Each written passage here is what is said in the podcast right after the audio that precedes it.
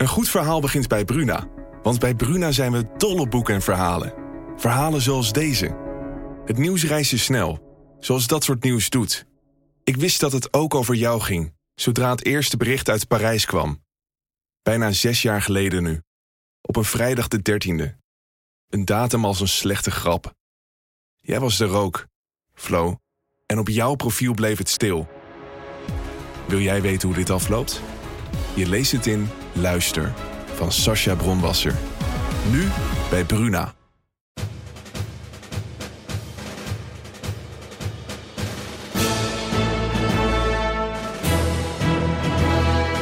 Dit is Delta Tango, de defensiepodcast van de Telegraaf.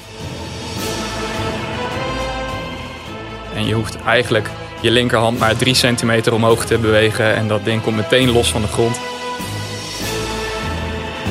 Toen het water Maastricht begin deze maand bijna letterlijk aan de lippen stond, boden militairen hulp. Met als meest opvallende helpers in het groen Chinook transporthelikopters van het Defensie Helikoptercommando. Die grote hoeveelheden stenen in de Maas stortten om zo een nooddam te vormen. Ja, het waren spectaculaire beelden waar dit geluid bij hoort. En onze gast van vandaag had een nog beter uitzicht. Want dat is kapitein Michiel.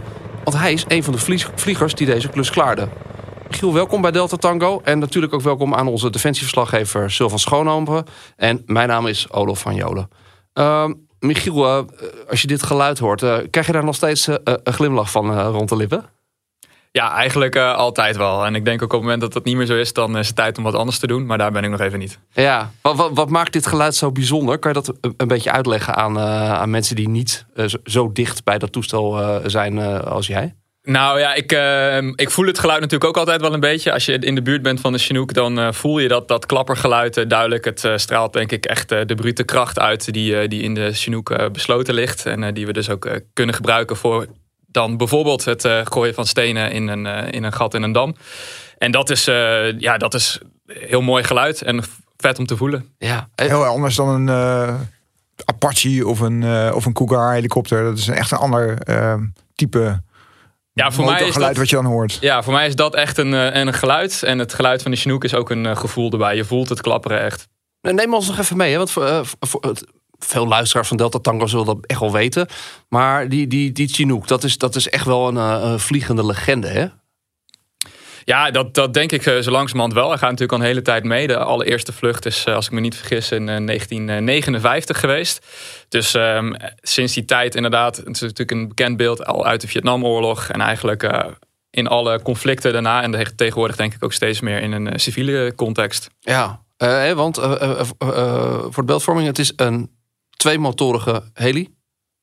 Met twee, ja, dan ga ik het vast verkeerd zeggen. Dan krijg ik ook allemaal van die mensen over me heen, de, de kenners, die dat vast zeggen. Dan, dan zeg ik maar twee grote rotoren, zeg ik dat goed of niet? Ja, twee rotorsystemen, inderdaad, twee motoren. Ja, en, en daardoor, hè, heb, wat is het grote voordeel daarvan?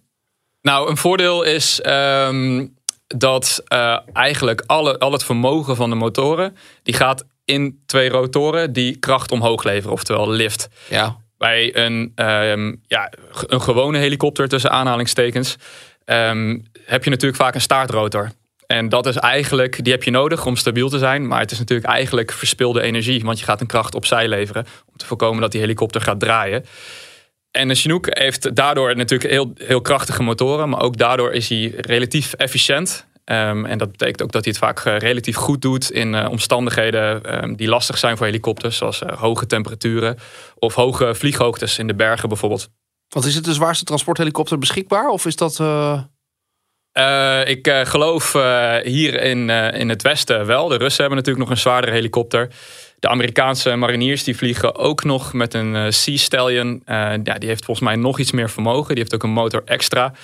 Uh, maar daar zie je dus bijvoorbeeld dat op het moment dat je echt op grote hoogte of bij grote temperatuur moet gaan werken, dat een Chinook het vaak wel wint. Je zit natuurlijk in een soort van ja, truck met oplegger in de lucht. maakt dat het vliegen ook log of lastig? Hoe, hoe vliegt dat ding nou? Nou ja, eigenlijk uh, is de Chinook een uh, bijzonder stabiele helikopter. Dus juist omdat die die twee rotorsystemen hebben, die, die draaien tegen elkaar uh, in. Dus dat betekent dat de torsiekrachten elkaar enigszins opheffen. Dat die wat stabieler is dan, dan de meeste helikopters met een staartrotor. Ehm, en hij vliegt een stuk minder log dan dat je zou denken. Uiteindelijk, natuurlijk is hij zwaar, maar hij heeft ook een hoop vermogen. En die vermogen kun je in een richting richten. En dat vertaalt zich natuurlijk ook wel in wendbaarheid. We kunnen niet over de kop of iets dergelijks, zoals bijvoorbeeld een Apache wel kan. Ehm, maar het is, uit, het is een stuk wendbaarder helikopter dan, dan veel mensen denken. Kan, kan, jij de eerste keer dat je die, die, die kist vloog nog, nog goed herinneren? Kan je dat op moment dan terughalen? Ja, zeker. Absoluut. Vertel, ja. Dat, ja, dat, dat, lijkt me toch heel bijzonder. Om als je, hè, je bent, je bent uh, zo'n jongetje wat vroeger zeiden ze dan uh, de, de bonnen uit de afrobode scheurde en ze raammelden. Nou, volgens mij, ik denk niet meer dat dat in jouw geval qua leeftijd uh, de afrobode is geweest.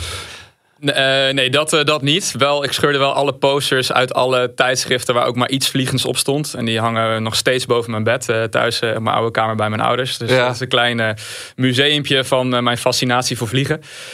Um, ja, dan die eerste keer op de Chinook. Dat was in Alabama, waar we de opleiding doen bij de US Army. Um, en daarvoor vlieg je in een uh, TH-67, een, uh, voor de kenners een soort Bell Long Ranger, een heel klein helikoptertje. Zeker voor lange mensen zoals ik.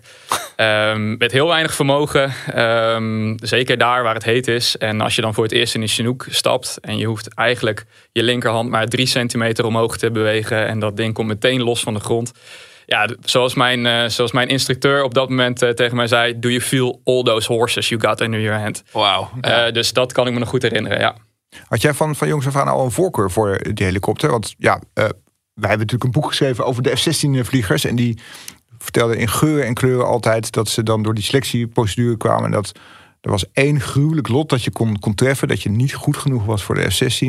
Maar dat je naar de helikopters moest. Ja. Dat zagen ze als een enorme straf en vernedering. Maar helikopterpiloten die denken daar heel anders over. Maar nou, ik, voorkeur? Toen ik uh, klein was of als kind uh, wilde ik zeker naar de F-16. Ik moet zeggen, dat is natuurlijk een ongelooflijk sexy machine. Het is een sexy manier van, van vliegen. En dat kun je over helikopters niet, uh, niet altijd zeggen, denk ik. Uh, althans niet als je het niet zelf doet. Um, maar goed, ik ben toen uiteindelijk eerst gaan studeren. Dus ik was iets ouder toen ik bij, de, bij de luchtmacht kwam. En daar ben ik eigenlijk heel erg aangestoken door een filmpje wat ik zag tijdens mijn, mijn opleiding nog op de MVO in Woensdrecht. Uh, van een uh, dus een medische evacuatie in, uh, in Mali. En dat was gewoon gefilmd met een, met een GoPro, denk ik, op iemands helm. En je ziet daarin die crew samenwerken met die artsen, et cetera. En dat was voor mij heel erg een moment dat ik dacht... oh, wacht, maar ik merk dat dit me echt veel doet. Dat ik dit heel graag een keer zou willen doen. Dat ik daar meer feeling bij had dan bij de, ja, de bekende beelden van, van wapeninzet natuurlijk. Um, dus dat was voor mij een overweging om daar toch anders over te gaan denken. Dat in combinatie eigenlijk met het feit dat ik uh, heel graag in een, uh, in een crew wilde werken. Dat is wel grappig, hè? want dat hoor je wel meer. Want ik, ik, uh, we hebben in de kranten in het verleden het mooie verhaal gehad van je collega Roel Boeze. Ja. Ehm, en die zei toen ook wel tegen mij van, van ja, het zijn ook wel, het zijn wel een bepaald type jongens en, en ook gelukkige meiden, vrouwen, die, die, die helivlieger worden. Het zijn wel echt wel bepaalde karakters, anders dan jachtvliegers. Herken je dat of niet? Ja, dat zou kunnen. Eh, ja, dat, dat zou kunnen. Um, ik moet eerlijk zeggen, ik ken ook niet heel veel jachtvliegers. Maar ik denk dat het essentieel is dat je het uh, leuk moet vinden om in een, in een crew te werken. Ook in een, uh, in een Apache bijvoorbeeld ben toch ook al met z'n tweeën. Um, en als je misschien meer een solist bent, dan is, vind je het misschien uh, aantrekkelijker om in een uh, jachtvliegtuig te zitten. Hoewel die natuurlijk ook altijd een teamverband opereren. Want één, één jachtvliegtuig op zichzelf is natuurlijk niks. Uh, maar ik denk dus dat echt dicht op elkaar zitten, samen verantwoordelijk zijn voor het, voor het sturen van, van je kist. Dat dat wel een eigenschap is die je moet liggen. Wat wij hoorden van Roy de Ruiter, de met de Willemsorde onderscheiden vlieger op de Apache, ook in Afghanistan heeft hij veel gevlogen. Hij zei, hij zei dat, dat Eén verschil tussen jachtvliegers en helikoptervliegers is ook dat uh, op de heli heb je veel meer feeling met de mannen op de grond. Dus je hebt, je hebt dus een crew waar je mee samenwerkt, maar je zit ook veel dichter bij de, de, de militairen die op de grond opereren. Veel meer dan jachtvliegers die ergens heel hoog en droog in een capsuletje hangen ver boven de wereld. Ja, daar kan ik me iets bij voorstellen. Um, het helikopterwapen zit natuurlijk heel erg verbonden, is natuurlijk heel erg verbonden met de, met de landoperaties. Je ziet natuurlijk ook in heel veel krijgsmachten dat de helikopters onder de landmacht vallen. Duitsland, Frankrijk, eh, Engeland, deels Amerikanen. Uh, wij niet. Wij hebben ervoor gekozen om dat onder de luchtmacht te houden. Maar daardoor sta je wel inderdaad voor een luchtmacht er heel dicht bij de landmachtoperaties. En ook het plannen van al je, al je missies, et cetera, is altijd een heel nauw eh, contact met, met de landmacht. Uh, ik kan me voorstellen dat dat voor een F-16 en F-35 vlieger anders is. Daar staat natuurlijk wel tegenover dat zij de close air support leveren. Ehm, dus, dus praten met een forward air controller bijvoorbeeld. En ik kan me voorstellen dat je op dat soort momenten je ook wel heel dicht verbonden voelt met, eh, met de man op de grond. Hey, dat, dat teamwerken in zo'n eh, Chinook, eh, dat, dat vind ik fascinerend. Want eh, oké, jij bent eh, grafvoerder in dit geval, of niet? Ja. Eh, dan heb je een, eh, nog een piloot naast je. Ja. Maar volgens mij nog een hele essentiële functionaris om het, eh, om het eh, in bedrijf te houden. Eh, ja, twee. Wij vliegen standaard op die Chinook. En dat is eigenlijk in vredesomstandigheden. Dus inderdaad gezagvoerder, co-piloot en dan twee loadmasters. Loadmasters zijn verantwoordelijk voor vracht en passagiers. Maar assisteren ook in het, in het sturen van de helikopter. Niet, niet letterlijk dat zij de controle hebben over die helikopter. Maar eigenlijk vooral door middel van voice marshalling, zoals wij dat noemen. Ehm, je kan je vast voorstellen dat het, als je in de cockpit zit, heel lastig in te schatten is. Bijvoorbeeld als je in, in, op een nauw veldje moet landen, bijvoorbeeld waar bomen omheen staan. Of jouw achterste rotor niet net even die boomtop meepakt. Nou, daarin ondersteunen loadmasters bijvoorbeeld. Die helpen je manoeuvreren, met name dicht bij obstakels. En als je het dus hebt over ladingen, en met name bijvoorbeeld ladingen die onder de helikopter hangen. Ja, wij kunnen niet zien wanneer onze haak boven die lading is. Ehm, en dan zijn zij dus aan het voice marshalen. En het komt eigenlijk gewoon op neer dat ze zeggen: twee naar voren, één omlaag, eentje naar links. Eh, hou hem stil. We haken de lading aan en, eh, en, en dan kun je ermee gaan vliegen. Hoe krijg je dat in de vingers? Want ik, ik, heb, ik kan me nog herinneren, echt even een moment die best wel indruk op mij heeft gemaakt. Is dat ik eh, op Kamp Holland was tijdens de Oeruzkan missie. En dat daar zo'n Chinook bezig was om een lading aan te pikken. Het, het was echt net alsof je bijna bij mij in de straat iemand zag die aan het inparkeren was. Zo, zulke kleine bewegingen heen en weer. Dat ik bijna dacht hoe kan dat met zo'n gigantisch apparaat? Ja, zoals alles denk ik in de luchtvaart is natuurlijk heel sterk procedureel. Dus eh, het zijn allemaal echt eh, standaard eh, calls die je, die je naar elkaar maakt. Dus ik weet wat ik kan verwachten. Als een loadmaster mij ergens wil hebben, dan weet ik vaak al wel een beetje hoe die mij gaat instrueren. Dat doet hij op een, in een vast format. Ik zeg het net een beetje makkelijk van twee naar voren, één naar links. Maar uiteraard is daar een vast format voor. Hij of zij weet eh, vervolgens, als het goed is, hoe ik daarop reageer. Dus dat ik, dat ik, eh, dat ik fijne ehm, eh, stuurinputs maak, om het zo maar te noemen. Dus dat ik fijne correcties maak, niet al te lomp aan het sturen ben. Ehm, en zo kun je redelijk op elkaar ingespeeld raken. Dus dat is best wel gestandardiseerd. En daar komt dan nog bij dat als je veel met elkaar vliegt... en uiteindelijk het is een hele kleine community... dat je ook wel behoorlijk aan elkaar wendt. Wat je als, als helikoptervlieger he- als enig nadeel hebt misschien... is dat je, dat je iets minder snel eh, voor, voor missies wordt ingezet. Hè? We hadden het daar net al even over. Eh, ja, als je op een F-35 vliegt, dan eh, vlieg je uh, Cura's aan de, aan de oostflank van het NAVO-gebied. Als je F-16 vliegt, dan doe je de, de, bewaking van het luchtruim in Nederland. Ehm, maar als, als Chinook-vlieger eh, kom je eigenlijk veel aan de bak eh, als het gaat om ja, humanitaire acties bijvoorbeeld.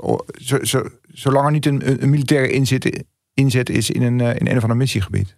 Ja, klopt. Een, helikopter heeft natuurlijk altijd eh, als nadeel dat eh, ze vrij langzaam zijn en eh, kleine rijkwijde hebben. Dus dat is inderdaad echt anders dan bijvoorbeeld een, een F-35. Die kan natuurlijk opstijgen op Leeuwarden.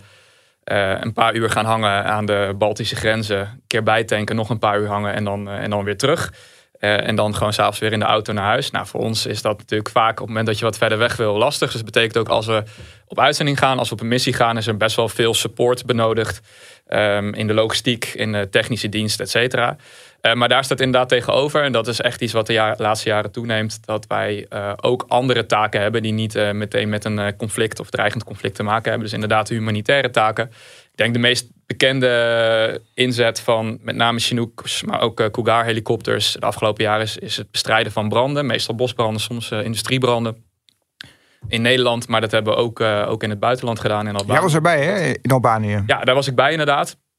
Ehm, eh, ja, en dan, dat, komt vaak redelijk uit het niets voor ons. Dat zijn vaak aanvragen die meestal door een civiele instantie gedaan worden.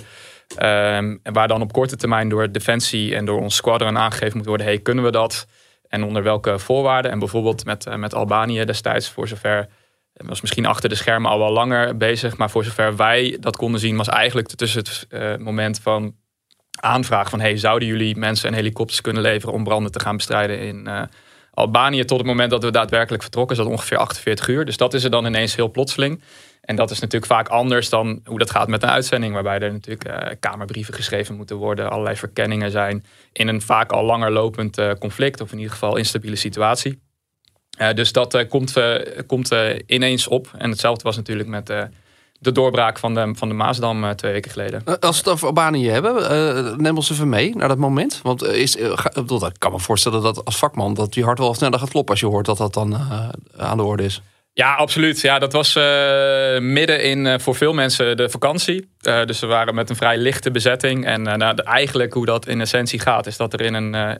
er wordt natuurlijk eerst nog wat achter de schermen gepland. Dat zien we dan nog niet. Maar op den duur wordt er dan eigenlijk gewoon in een appgroep gevraagd: jongens, wie is er beschikbaar om op zeer korte termijn voor redelijk uh, onbepaalde periode. We, we, wisten ook wel dat het geen half jaar zou zijn, maar of het een week of, uh, of een maand zou zijn, dat was onduidelijk. Om daarheen te gaan. En dan zie je dat er een enorm uh, enthousiasme loskomt. Dat, en niet iedereen kan meteen alles uit zijn handen laten vallen. Um, maar de mensen die dat enigszins konden, dat enigszins thuis konden, konden regelen, die, die melden zich dan over het algemeen, en dat zie je met al dit soort inzetten, gelijk aan. Omdat die, die bereidheid gewoon enorm hoog is. En het geldt niet alleen voor de vliegers, ook voor de loadmasters, maar net zo goed voor de technische dienst. Uh, waar ook een enorme wil is om gewoon die operaties te ondersteunen. Ook al zitten ze misschien zelf niet in de helikopter. Nou kunnen missies ja, militaire missies kunnen riskant zijn. Maar ik zou me kunnen voorstellen dat het bestrijden van bosbranden ook niet helemaal gevaarloos is. Met ja, uh, toch een soort rampgebied waar je, waar je boven hangt. Met veel hitte, turbulentie. Ik kan me voorstellen dat het toch wel even, nou, niet, niet, niet zomaar eventjes een paar stenen in de maas gooien, maar, maar ja. ietsje spannender. Ja, nou ja, zeker. En ik denk zeker, daarin was Albanië ook heel uh, interessant. Nou ja, kijk, in, het algemeen geldt natuurlijk gewoon het gevoel dat het, dat het voor het echi is. Dat is natuurlijk een, een term die wel vaker mensen van Defensie hoort, hoort bezigen. Uh, dat, dat doet meteen al, uh, al veel. Dat, dat doet iets met je, met je spanning. Je, gaat je staat, komt op scherp te staan. Ja, precies. Je kan een hele uitgebreide oefening organiseren waarin je Wereldoorlog 3 simuleert. Maar uiteindelijk is dat niet hetzelfde gevoel als, uh, als, als eigenlijk iets relatief simpels als bosbranden blussen, wat, wat wel echt is. Um, dus dat sowieso. En dan kwam met name voor Albanië kwam er dan nog bij dat daar een hele hoop onbekenden waren. Maar ook de omstandigheden uh, daar echt significant anders zijn dan Nederland. En dan heb ik met name over dat het daar bloedheet was. Dan heb je het echt over hoog in de 30 graden. Um, maar ook dat Albanië best wel uh, hoog is. Dus we moesten voor het eerst, en daar hadden we nul ervaring mee, uh, branden blussen in, in, in, in bergachtig gebied. Wat natuurlijk heel veel doet um, voor, voor de prestaties van je helikopter. Want de lucht is dunner. dus de bladen leveren minder, minder lift, heel simpel gezegd. En de motoren hebben meer moeite om vermogen te leveren. Uh, maar ook hoe, hoe vlieg je dat? Want je hebt dan zo'n loodzware uh, Bambi bucket onderhangen met water, ongeveer uh, 8 ton. Um, nou, dan moet je die helikopter echt tot op zijn limieten pushen. En dan moet je ook gaan nadenken van nou, als er nou een brand is in een vallei, hoe doen we dat? Gaan we zakken met zo'n hele zware bucket, maar kunnen we er dan nog uitklimmen? We kunnen eruit klimmen als hij leeg is, maar kunnen we er ook uitklimmen als hij vol is en bijvoorbeeld niet open gaat omdat het mechanisme faalt. En die kans is er altijd. Um, dus dat waren echt uh, een aantal nieuwe dimensies. En dat heeft eigenlijk, ja, hoe je dat uiteindelijk ook doet, je probeert zoveel mogelijk van tevoren te bedenken. En uiteindelijk ga je het uitvoeren en dan elke avond met alle crews die gevlogen hebben met elkaar zitten. Van hey, wat hebben jullie ervaren? Wat is slim, wat is niet? En uiteindelijk dan na een paar dagen ligt er een redelijke standaardprocedure die je eigenlijk ter plekke maakt. Wat zie je vanuit de, vanuit de cockpit van die, van die branden? Nou ja, je, uh, je, je ziet het uh, vrij goed. Het, het, ligt er een beetje aan. Je hebt natuurlijk verschillende soorten branden. Zeker in bosbranden zie je soms de vlammen niet eens zo, omdat dat onder de kruinen van de bomen is. Dus dan, dan, dan zie je vooral veel uh, rook. Um, maar wat je natuurlijk hebt, is ja, wij zien uiteindelijk niet het moment waarop we de bucket openen. En daarvoor is die loodmast in dat geval weer, weer essentieel die in veel opzichten daadwerkelijke vuurbestrijden doet. Want wij vliegen er overheen en pas een aantal seconden later is die bucket uh, daar en, moet die daadwerkelijk uh, open. Uh, dus uiteindelijk hebben loodmasters vaak veel, veruit het beste zicht op um, het, ook het effect um, op, op een brand. Hoe, en, hoe dicht zit je daarop dan? Zit je er vlak boven? Of is dat echt... Ja, nee, die bucket hangt aan een uh, lijn van ongeveer uh, staalkabel van ongeveer 100 voet. Dus uh, een goede 30 meter. maar we proberen vaak wel die bucket zo laag mogelijk over het vuur te vliegen. Dus ja, dan moet je wel een marge overhouden dat je niet een boomtop meepakt. maar goed, hoe hoger je dropt, hoe meer dat water vernevelt. En dat waren natuurlijk ook uitdagingen van wat als het, als het in een valleitje is. Ja, je, je kan er ook, ook niet in die vallei zakken, maar dan is het water verneveld voordat het de grond raakt. En is het dan nog effectief? Um, en sowieso was er uh, ook, ook, daarin de, de, de, effectiviteit van de brandbestrijding is in Bergen ook heel anders. Want ja, ga je boven het vuur blussen of onder het vuur blussen, als een vuur op een helling is bijvoorbeeld. initieel dachten wij boven, boven het vuur, want het vuur kruipt omhoog, dus daar wil je het stoppen. Uiteindelijk kwamen er echt daadwerkelijke brandexperts die zeiden: nee, je moet het juist, juist van onder doen. Nou, dat zijn van die dingen die moet je dan echt, uh, echt gaan uitvinden. Zijn er momenten geweest tijdens die, die inzet dat je, dat je dacht, oeh, dat ging echt maar net goed? Of, of was het allemaal zodanig onder controle dat, dat je dat niet gehad hebt? Um, die momenten, ehm, dat zit met name in het, in, het, uh, in het overschrijden van de limieten van de helikopter. Dus op het moment, hè, wij mogen bijvoorbeeld 100% vermogen gebruiken. Dat wil niet zeggen dat hij niet meer kan, kan leveren, dat de motoren niet meer kunnen leveren. Maar de, de limiet ligt voor ons op 100%. Uh, nou, dan heb je echt wel, wel momenten dat je, dat je daar tegenaan zit. Dat je uh, eigenlijk niet zo snel kan klimmen als dat je hoopt. Um, en dat dat uh, wel wel, wel enigszins spannend kan zijn. Uh, uiteindelijk het voordeel wat je met zo'n bucket hebt, is je kan hem open doen en dan is je helikopter ineens heel licht. Dus, dus dat, dat geeft je wel marge ten opzichte van een gewone lading, die je natuurlijk over het algemeen niet zomaar af kan werpen. Uh, maar er zijn ook zeker wel uh, mensen geweest die toch wel schrikmomenten hebben gehad, omdat die bucket toch net op een paar meter niet door een boomtop werd geraakt, bijvoorbeeld. En dat, dat hoort erbij. En als je dat goed, goed debrieft, goed evalueert, dan, uh, dan uh, kom je eigenlijk, wat ik net zei, dat je na een paar dagen een redelijke standaard uh, procedure hebt. Met ook eigen marges, waarvan je denkt, nou hiermee is het wel werkbaar, maar ook veilig. die dan niet, niet al van tevoren in een, in een handboek staan. Ja. Hoe werkt het dan? Want je, ja, je pikt water op in zee, neem ik aan, of in een meer. We hebben het initieel in zee gedaan. Heen en weer, heen en weer, heen en weer ja. om water te droppen. Hoe, ja. Ja, in, Hoe gaat dat? In, in, in, initieel in zee gedaan uh, in Albanië inderdaad. Um, en later zijn we in een ander gebied gaan uh, blussen. En hebben we meer inderdaad uit, uh, uit, uit meertjes, stuw, stuwmeertjes, water opgepakt. En inderdaad, vaak, eigenlijk je, zet, je gaat gewoon een, een, een carouselletje vliegen. Waarbij je zo efficiënt mogelijk, zoveel, zo snel mogelijk water uh, op, het, uh, op het vuur wil krijgen. En ook daar zit, een, zit echt een uh, risico in, want dat gaat best wel snel, wordt dat natuurlijk heel repetitief. Er zit een risico in dat je toch bepaalde checks niet meer gaat doen.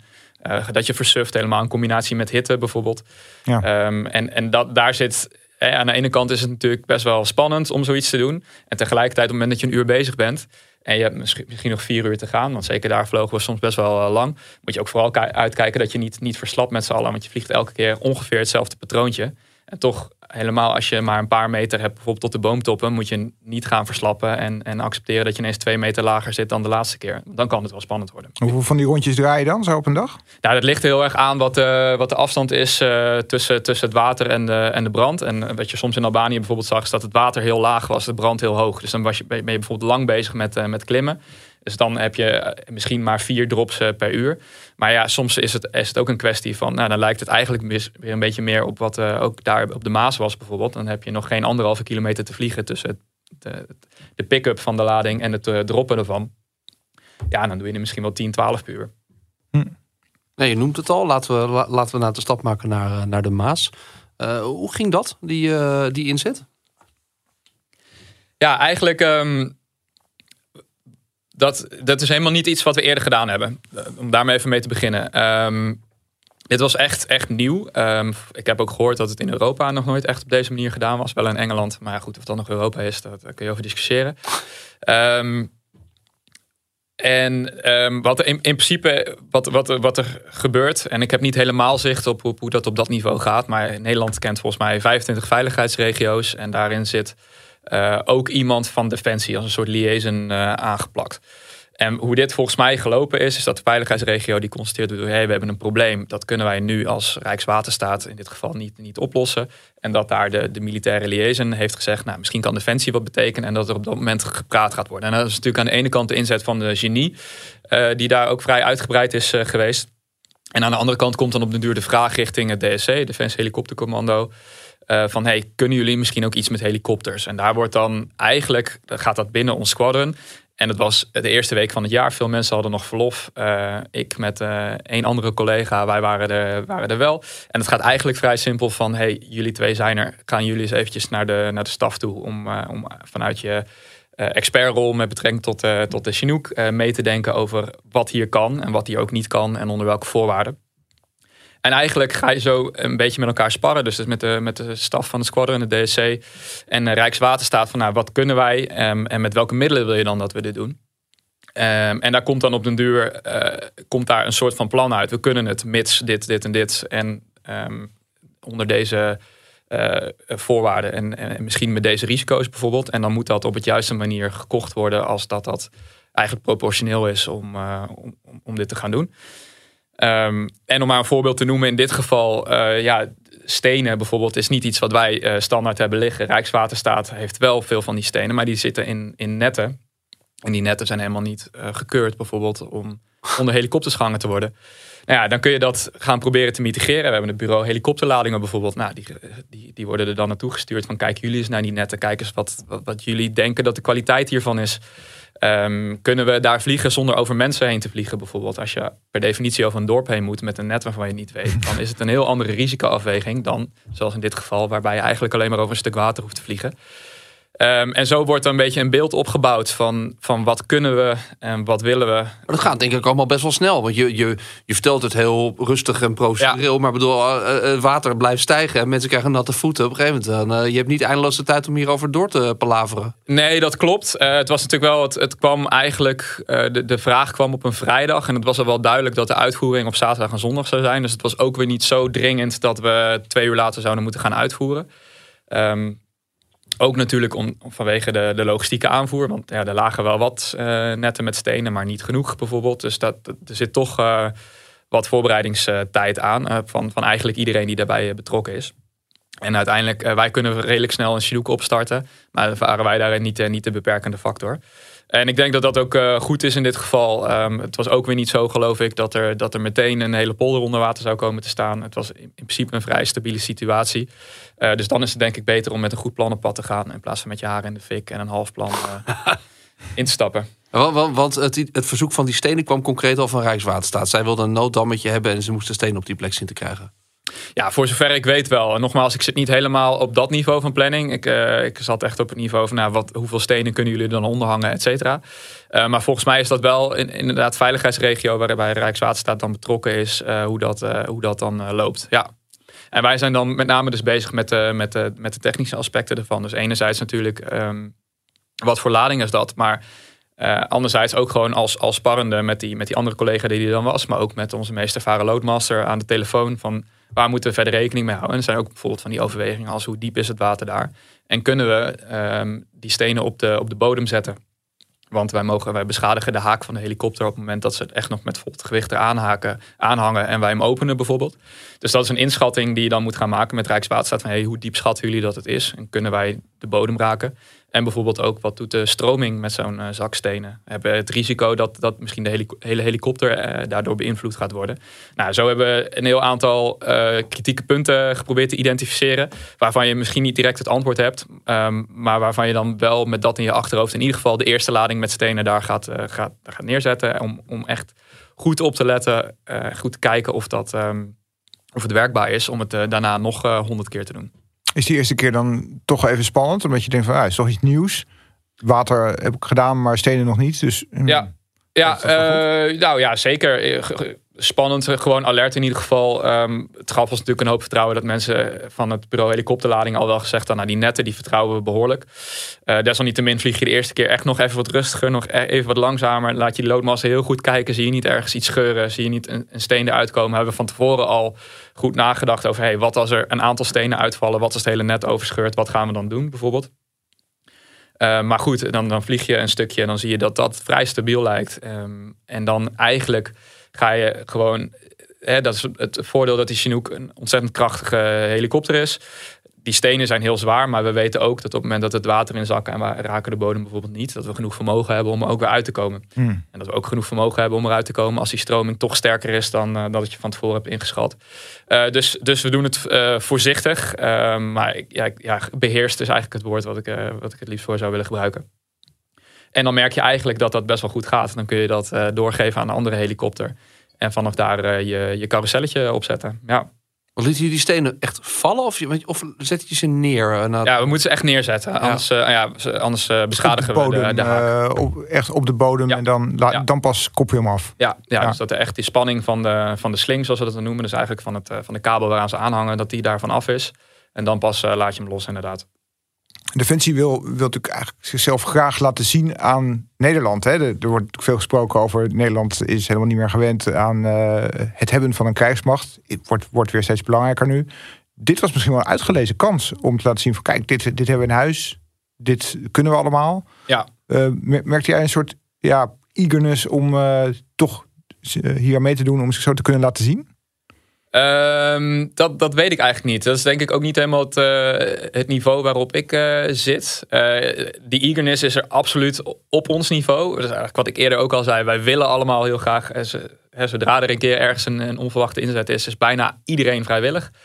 Um, wat, hoe de organisatie daarin staat, weet ik niet. Er staat tegenover, want dit, dit kost ook een hoop. Um, niet alleen aan, aan, geld, maar ook gewoon aan capaciteit. Het zijn allemaal uren die je maakt die je volgens niet aan de training kan inzetten. Dit heeft natuurlijk meteen invloed op het vliegprogramma van de week na. Maar ook bijvoorbeeld um, die, die, die uh, strops, die, eigenlijk die kabels waaraan die netten hangen. Die ben je daarna wel kwijt. Die liggen nu allemaal in de rivier bijvoorbeeld. Dus die kun je niet meer gebruiken voor je, voor je training. Dus aan de ene kant is er natuurlijk heel erg de wil om, om iets nuttigs te doen. En aan de andere kant heb ik het idee dat er uh, op dat niveau ook wel echt een kosten-batenafweging gemaakt wordt. En in dit geval denk ik dat, dat de, de opbrengst, ehm, ja, dat, dat, dat hè, wij zijn militairen, dus wij weten niet heel goed wat exact de opbrengst gaat zijn van, van het, de, de waterstroomsnelheid daar beperken. Ja, dat is dan iets wat je in dit geval met de civiele partner Rijkswaterstaat echt moet overleggen. Van wat denken jullie dat dit jullie oplevert voor jullie operatie? En zijn er manieren om dit op een andere manier te doen? En daarin is denk ik dan de afweging geweest. Nee, we hebben niet iets, een ander middel om dit uh, doel te bereiken. En dus is, zijn het de kosten en moeite waard.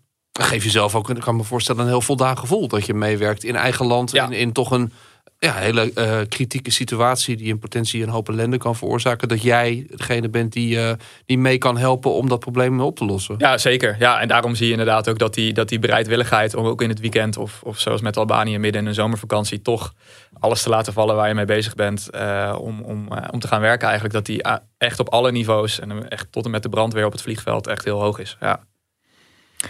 Jij was zelf net te jong voor Mali. Ja. Uh, laat staan voor Afghanistan. Ja. Uh, dus echt militaire missies ver, ver weg uh, ja, heb je niet, niet mee mogen maken nog. Nee. er zit wel iets aan te komen, hè, zei je net. ja, Nederland gaat een bijdrage leveren aan de NAVO-missie in Irak. Um, en dat doen ze met, met drie Chinook-helikopters. Ja, dus dat is voor ons squadron zit er nu inderdaad er een echte militaire missie aan te komen. En ja, het wordt in de hele regio is het natuurlijk spannend. Maar ook juist in die regio is net uh, uh, ja, de vlammende pan geslagen, zou je kunnen zeggen. Met een paar raketten die daardoor Houthis op af zijn, zijn geschoten in de, in de buurt van Erbil. Maar maakt dat nog dat je er anders naar kijkt? Nee, niet dat ik er anders naar kijk. Ik denk wel dat er is natuurlijk op zich wel behoorlijk wat veranderd tussen het moment dat er voor het eerst over deze missie werd gesproken ten opzichte van nu. En dat heeft natuurlijk alles te maken met het conflict tussen Israël en uh, Gaza. Of en Hamas, moet ik, uh, moet ik zeggen. Um, dus er is zeker wat veranderd. Maar dit wordt ook op alle niveaus heel goed in de gaten gehouden. We hebben regelmatig inlichtingenbriefings. Um, waarin natuurlijk de, de dreiging goed in de gaten wordt gehouden. Maar ook wat wij er tegenover kunnen stellen. En ook vooral wat de Amerikanen er tegenover kunnen stellen. Um, dus ik heb het gevoel dat dat wel goed gevolgd wordt en in de hand is. Er wordt natuurlijk nu ook heel erg nagedacht over van hoe moeten we onze krijgsmacht hervormen. Wat, uh, welke rol moeten allerlei onderdelen spelen. Uh, en dan is de blik, natuurlijk altijd gericht op uh, Rusland. En de dreiging van Rusland aan de oostflank van het NAVO-gebied.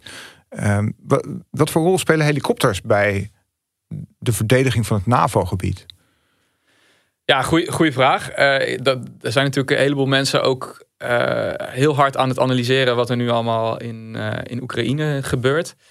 Um, we hebben volgens mij gezien in, in Oekraïne, en ik, ik ben zeker geen expert op dit vlak, maar dat de Russen zowel met succes bijvoorbeeld het aanvalshelikopters hebben ingezet, maar daar ook zware verliezen hebben geïncasseerd.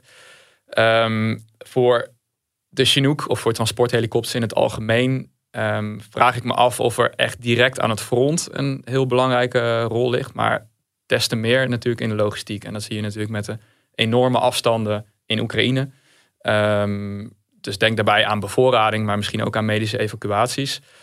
Um, slechte begaanbaarheid, grote delen van het, uh, van het jaar. En jullie zijn natuurlijk ook, ook, je spelen ook een rol in het hele luchtmobiele concept natuurlijk. Ja, nou ja, ik denk, ik, eh, goed, dat is echt niet, uh, uiteindelijk niet, uh, niet, niet aan mij. Maar het, risico tegenwoordig van een luchtmobiele operatie is denk ik vrij hoog door de enorme verspreidheid van, van, van luchtverdedigingsmiddelen. en dat is dus dat, dat kan denk ik alleen onder heel specifieke omstandigheden. En daarin zullen wij zeker een rol spelen. Als, als, als die omstandigheden gecreëerd kunnen worden. Maar als je het echt, echt, hebt over de dag-tot-dag operaties, dan zie ik uh, veel meer een logistieke rol. Um, dus iets, iets minder dynamisch misschien, maar vooral echt logistieke ondersteuning voor, voor in ieder geval grote transporthelikopters uh, als, de, als de Chinook. Maar dat is een persoonlijke, persoonlijke mening. Ja. Het zijn wel, ik bedoel, het, het, klinkt heel raar, maar voor, voor vakmensen in, in, in, vrede en veiligheid, wat uiteindelijk wat militairen zijn, ja, zijn ook alweer hele fascinerende tijden natuurlijk om, om, uh, om actief te zijn. Ja, absoluut. Er is, er is natuurlijk echt een, eh, een hele hoop gaande. En de hele focus die, uh, is natuurlijk echt aan het, ja, aan het verschuiven van, van stabilisatiemissies. Zoals in Afghanistan, Mali en dan nu ook nog, nog Irak. Naar toch het meer klassieke interstatelijke conflict. Ja. Je begon al net met van ja, de Chinook draait al een tijdje mee, letterlijk en figuurlijk. 63 jaar oud is hij, het ontwerp daarvan. Is hij niet ook aan het eind van zijn, eh, van zijn levensduur? Of is het een soort van onverwoestbaar ding dat altijd eeuwig door kan blijven gaan? Nou, hij is enorm geüpdate. En het zit in heel veel uh, vlakken. Um, motorvermogen is, is bijna kwadratisch uh, toegenomen, geloof ik. Um, maar ook de besturingssystemen. Als je, nou, we nog eventjes hebben bijvoorbeeld over uh, het dichten van die dam in de Maas merk je al een heel groot verschil. Het is best wel lastig om zo precies te vliegen, zeker boven stromend water. Dat doet een hele hoop met je referenties. Een helikoptervlieger, um, als hij moet stilhangen, als hij moet hoveren, ja, die, die kijkt naar buiten. En als jij stilhangt ten opzichte van een bepaald object, dan, dan beweeg je ook niet. En dat is natuurlijk heel lastig met stromend water. En zeker marinevliegers zullen daar uitgebreid over mee kunnen praten. Um, en dan merk je nu dat we sinds twee jaar de nieuwste versie van de Chinook hebben bij de Nederlandse luchtmacht. En daar zitten gewoon enorm veel stabilisatiesystemen op. Dus eigenlijk kan die helikopter zichzelf gewoon heel goed uh, stilhouden. En dat, dat heeft een, eh, een, voordeel dus op het moment dat je stenen in stromend water moet laten zakken. Maar dat heeft ook enorme voordelen bij alle operaties bij nacht. Uh, maar denk ook aan het landen in uh, stoffige omstandigheden. Of het uitvoeren van special forces operaties. Waarbij misschien mensen via een touw naar beneden moeten vastropen. En daar, daarmee kunnen we nu veel stabieler hangen onder alle omstandigheden dan hiervoor. Dus in die zin um, gaat de Chinook denk ik ook echt mee met zijn tijd. Voor zover ik weet zijn er nog niet echt concurrenten uh, in ontwikkeling. Uh, Amerikanen hebben met name een heel aantal ja, nieuwe concepten voor, voor helikopters. Maar daar zit nog, voor zover ik weet, nog niks bij wat, de, wat het vermogen en de laad, het laadvermogen van een Chinook kan, kan matchen. Dus voordat dat echt uh, op de markt is, zijn we denk ik nog, nog decennia verder. Het lijkt me, ja, als je, als je de conclusie mag trekken, ik vind het een mooi punt om een conclusie te trekken.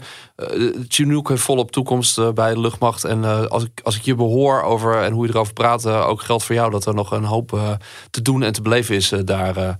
Ehm, Michiel, ontzettend bedankt voor je komst naar, naar onze studio en, en ons meenemen in, in de, achter de schermen van de Chinook-operaties. Uh, succes bij, bij de missie die eraan komt. En wie weet tot de volgende keer. Dit was Delta Tango voor deze week. We hopen dat je met plezier hebt geluisterd. En als dat zo is, laat het ons weten. En laat een recensie achter op een van de podcastplatforms. Of abonneer zodat je geen aflevering meer hoeft te missen. Delta Tango is er over twee weken weer met een onderwerp uit de wereld van defensie en internationale veiligheid.